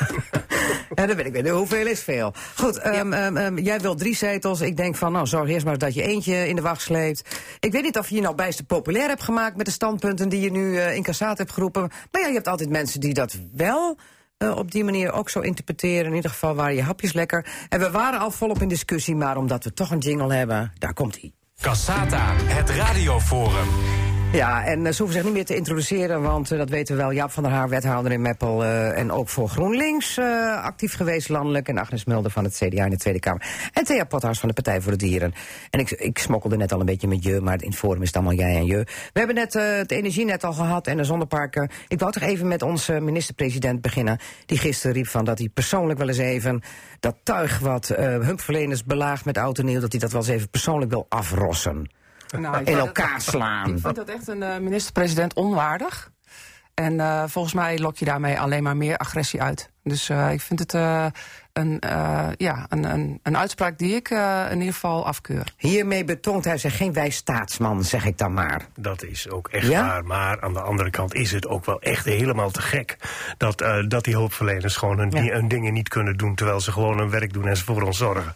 Dat, dat, moet, eh, dat moet er wel naast ge- gezet blijven worden. Bij ons jeuken misschien allemaal de handen. En soms wel eens een keer terecht. Je lost er niks mee op. Met geweld roep je alleen maar geweld op. Dat weten we allemaal. Maar je wordt wordt er wel eens een keer kriegel van dat dit soort dingen gebeuren. Maar dat, het, het bestuur had natuurlijk al veel eerder een, bijvoorbeeld een vuurwerkverbod kunnen instellen. En ook landelijk heeft dit echt laten liggen. Nee, maar wacht Eh, even, als je wacht- kijkt, als je wacht de even, dit gaat hulpverleners niet om vuur- serieus Dit gaat niet om vuurwerkverboden, dit gaat gewoon om mentaliteit Ja, van hoe mensen. ga je met mensen om? Hoe ga je met elkaar Ja. om? En daarover moeten we heel breed in Ja, de samenleving maar eens een keer goed een discussie voeren. Ja. Nou, volgens mij Want moeten we dit veel gaat meer echt doen in plaats van zo. discussie voeren over dat thema. Nou, Nou, Nou, ik ik vind dat je, als, je, als je het er niet over hebt en je agendeert het niet, dan eh, heb je het er dus niet over. En ik vind, van de nationale politie Even niet door elkaar, even Agnes punt afmaken. ja, ik vind het gewoon van belang dat we gewoon netjes met elkaar omgaan. En je blijft met je handen van onze mensen af, die ons inderdaad verzorgen. Maar goed, eh, Thea Pothuis heeft wel een punt. Eh, op het moment eh, dat eh, Rutte dit riep, zeiden mensen van ja, stel dan eens zo'n vuurwerkverbod in. Dan kunnen ze in ieder geval hulpverleners niet meer belagen met vuurwerk. Nee, dat weet je, maar dat is toch geen gedragsprobleem. En, dan, en, dan- en dan halen we alle flessen ook weg, want dan kunnen ze ook niet meer flessen water gooien. Nee, dat moet- Ja, nee, maar dan draaien de Oké. zaken om. Het, Ja, gaat, erom, het ook. gaat erom een mentaliteit Ja. waarin we gewoon geen respect meer hebben voor mensen die, die hulp verlenen. Op zijn op Drents gezegd, een schub onder de kont moeten ze hebben, maar dat mag ik dan ook niet zeggen. Dat mag je wel rustig zeggen dat ze een scup onder de kont mag hebben. Eh, Oké, maar en, en even, eh, ja goed, het zijn natuurlijk niet alleen maar jeugd wat het doet, het zijn ook volwassenen die het doen en die hebben gewoon te veel iemand drank geeft op. dat voorbeeld, ja. Ja. Ja, ja. Maar dat de minister-president op deze manier laat weten dat hij ervan baalt, dan- da- hij moet dan even netjes. tot honderd tellen voordat hij zoiets zegt. Je, je, je- moet als bewindsman en, en als voor en, eh, moet, moet, je dit, moet je dit soort dingen niet op die manier zeggen. Oké. Maar, je, maar dat haalt niet weg waar het eigenlijk om gaat. We geven hem een tik om de oren. Mag dat dan? Een klapje. We geven Mark Rutte een klapje. Klapje. Goed, pluimveehouders en LTO zijn woedend over een actie die deze week in het nieuws kwam van Animal Rights. Ehm, deze organisatie, de dierenactivisten noemen ze dan, eh, andere eh, organisaties. Ordinaire inbrekers. Oh, maar die filmden dan even in stallen stiekem waar vangploegen van kippen bezig waren. dat die dingen, Ja, de, de dingen, die, de dingen die, daar, die, die men laat zien, die gebeuren. Ja, maar het is wel knip- en plakwerk. En het lijkt net alsof het dan allemaal op die manier gebeurt, zeggen de boeren. Ja, nou kijk, als het, eh, als het erger wordt gemaakt dan het is, dan moet je, dan moet je het niet doen. Je moet, je moet geen stemmingmakerij, maar het mag rustig transparant zijn hoe een kip in de bio-industrie leeft, hoe een eierkip gevangen wordt om, om, naar de, om uiteindelijk naar de slag te gaan. Als je dat objectief weergeeft, vind ik dat je dat rustig mag doen. Als je er een negatieve propagandafilm van maakt, dan, eh, dan, dan ben je slecht bezig. Maar dat is het eigenlijk wel, om aan te tonen van mensen... eh, als jullie eieren eten, eh, dan krijg je dit, dit, dit. Hier komt het vandaan. Jawel, kijk, Zeker, ja, nee, maar eh, zo is het ook. Als je eieren eet, dan, worden, dan zijn er kippen die eieren moeten leggen. Ja, maar je hebt Dan- kip en ei, hè? Ja, ik eet graag een ei, maar ik, ik koop een biologisch dynamisch ei. Dan weet ik dat, dat, dat die kip op een goede manier... Ja, maar die, kip, die biologisch dynamische kip, die wordt ook op een gegeven moment geruimd. Ja, en? Er is toch niks op tegen om die kip op te gaan eten... als die twee jaar eieren gelegd heeft? Nee. De- Ja, de daar denkt normen Thea van Pothorst het- wat anders het, eh, over. vangen en, eh, en transporteren die in Nederland gelden, die maken eigenlijk dat... eh, Maar je zou eens naar de dat- normen voor de biologisch dynamische kippen moeten kijken. Of voor Maar de ook de biologische biologisch landbouw. dynamische kippen worden gevangen en getransporteerd. En in Nederland is de norm dat 2% van deze dieren eh, mag gewond raken tijdens dat vangen en tijdens dat transport. En daarnaast mag 0,5% ook eh, doodgaan tijdens dat vangen en dat transport. Nou ja, het lijkt Dus wel dat is duidelijk wat iets de Partij waar, voor de Dieren eh, dan staat. Precies, ja. ja, dat is iets dat waar we zijn gewoon dus aan de strengste normen die we eigenlijk Agnes kennen. Hè? De strengste dat normen zijn in de de, wereld, ja, in de wereld. Ja, Dus wij lopen met dierenwelzijn overal in voorop. En daar ben ik ook trots op, Kijk, hè? op al die boeren die dat op een goede manier Precies, doen. maar ik denk dat zo langzamerhand die boer wel eens een keer denkt van... goh, eh, er wordt alleen maar altijd op mij gebashed en Ja, een hetze tegen mij gevoerd. een keer mee ophouden. Ja, Met- ik ben daar echt helemaal wel Ja? flauw van. Want Want eh, die- maar die boer wij die willen dus allemaal juist het vlees en ondersteuning alles. nodig. Nee, die boer die levert boer, product die wat moet- wij willen. die moet alleen maar steeds groter ik- worden. Als ik de goedkoopste eitjes van 18 cent wil kopen... Ja, dan stimuleer ik, dan stimuleer ik een bepaalde manier van kippenhouderij. En ik betaal liever 29 cent en dan eet ik, de- eet ik de helft. Oké, ja, dat Ja. doe jij dan wel. Jawel, maar zo- niet het gros, want die Nee, kijken in de dan moet, je, dan moet je dus niet naar die boer wijzen. En want die boer produceert wat er gewild is. Dan moet je naar de consument kijken. Kortom, een eerlijke prijs. een eerlijke prijs moet die wij krijgen. produceren- Niet door elkaar. En de meeste eieren die wij produceren worden geëxporteerd. Dus eh, dan heb je helemaal geen invloed op een consument die daar meer geld voor wil betalen. Maar wees er dan blij mee dat die eieren die worden geëxporteerd aan de strengste normen hebben moeten voldoen. Dus die, die consumenten dan in het buitenland, die hebben dan in ieder geval dat het onder de strengste normen eh, eh, naar voren Maar is gekomen. Precies hetzelfde als een, als een Duitse of een, of een Franse consument een goedkoop eitje wil. Dan bewerkstelligt hij ook een bepaalde manier van, van dierhouderij. Maar even tot slot naar dit onderwerp. eh ik Calon. dat, eh, ho, ho, ho, Eh, nee, nee, we, we gaan nog even door. Calon, voorman van LTO, die vindt dat eh, we al de strengste dierenwelzijn eisen hebben ter wereld. Dat de extremiteiten, hè, het binnenvallen van bedrijven, dat het gewoon keihard aangepakt moet worden door politie en justitie. Ik- Terecht? Het binnenvallen, inbraak. het binnenvallen van bedrijven is natuurlijk strafbaar. En eh, het staat iedereen vrij ook om eh, daar eh, aangifte tegen te doen. Ja. Dus vooral die weg bewandelen. In het geval van de filmpjes die wij nu hebben gezien, die ook op RTV Drenthe te zien waren, eh, was er sprake van een medewerker die gefilmd heeft. Geheime en volgens beelden, ons ja. is dat een klokkenluider. En klokkenluiders moet- worden in Nederland beschermd. Nee, goed. Ehm, eh, Agnes, tot slot?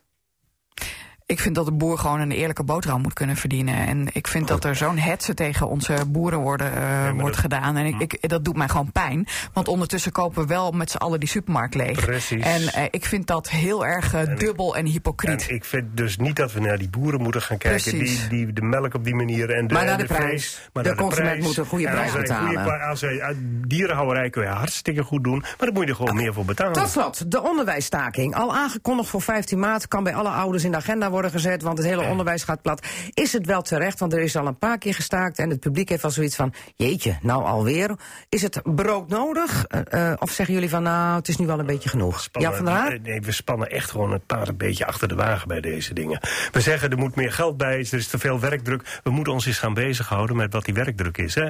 Bij, de, bij, bij de milieudiensten in Drenthe was ook te veel werkdruk. Wat, hebben we, wat is daar gedaan? Daar zijn die inspecteurs, die, die zijn van hun administratieve taken zijn die weggehaald. En er is gewoon een administratief apparaat achter gezet die die dingen verzorgt. Zodat docenten, zeg ik hier, zich bezig kunnen gaan houden met onderwijstaken waar ze goed in zijn. En niet met papiertjes invullen. Precies, al die controle. Oké, Agnes Mulder. Nou, er is natuurlijk eh, heel veel jaren is er bezuinigd en eh, er komt nu geld bij. Ja, Eh, maar niet genoeg, zeggen ze. 1,9 miljard. En eh, eh, de eh, mensen hebben onlangs in het basisonderwijs 8,5% lonen bijgekregen. Dat zijn niet hele lage percentages. Was natuurlijk ook gewoon nodig. Hè? Ik bedoel, ben, ben ik heel erg voor. Mhm. Maar er is nog steeds een lerarentekort en zelfs in februari gaan leiders, schoolleiders niet meer als een leraar ziek is vervanging regelen. Want er zijn gewoon te weinig. nou, ik denk daar dat is je, toch iets niet goed. Nee, dus dan moet je ook met elkaar goed naar kijken hoe ga je dat oplossen. Maar dat is niet altijd alleen een geldkwestie. Nee, maar het is ook vooral Oké, een nog. Het is het op dit moment dus niet aantrekkelijk om eh, leraar te worden eh, voor, het, voor het basisonderwijs en voor het middelbaar onderwijs. En volgens mij moeten we dat veel aantrekkelijker maken, want eh, daarmee werken we aan de toekomst. Want eh, hè, onze kinderen worden door deze mensen onderwezen. Ja. Eh, dus wij moeten ervoor zorgen dat eh, de kwaliteit van deze onderwijzers dat dat, zo hoog mogelijk is. En dat kan alleen maar als je ze ook inderdaad voldoende betaalt. Oké. Ehm, eh, wij gaan afsluiten, Radioforum leden. Of wil je nog even heel kort iets zeggen, Jaap? Ja, Heel kort. Ik ben- Heel kort. De- in het onderwijs moet, wordt helemaal niet zo verschrikkelijk slecht betaald. En daar mogen we... Dat, Goed. daar- daar het gaat we- om de werkdruk. Los, eh, druk. Los het op. Ja. Forumleden, dit was Casata. Theo Pothas, succes met je Partij voor de Dieren. Jan van der Haar en Agnes Mulder, dank jullie wel. Dit was Casata. Volgende week zijn we er weer. Tot dan en fijn weekend. En kijk naar WK Dammen op TV Drenthe. Dag. Je luisterde naar Cassata. Dat is te beluisteren als radioprogramma op zaterdagmiddag, maar sinds kort ook als podcast. Net als het programma Drenthe Toen. Vond je het nou interessant? Geef ons dan vijf sterren en laat je beoordeling achter. En vertel het natuurlijk ook aan vrienden, familie en collega's. Daar help je ons mee, zodat we nog meer luisteraars kunnen bereiken. Tot volgende week.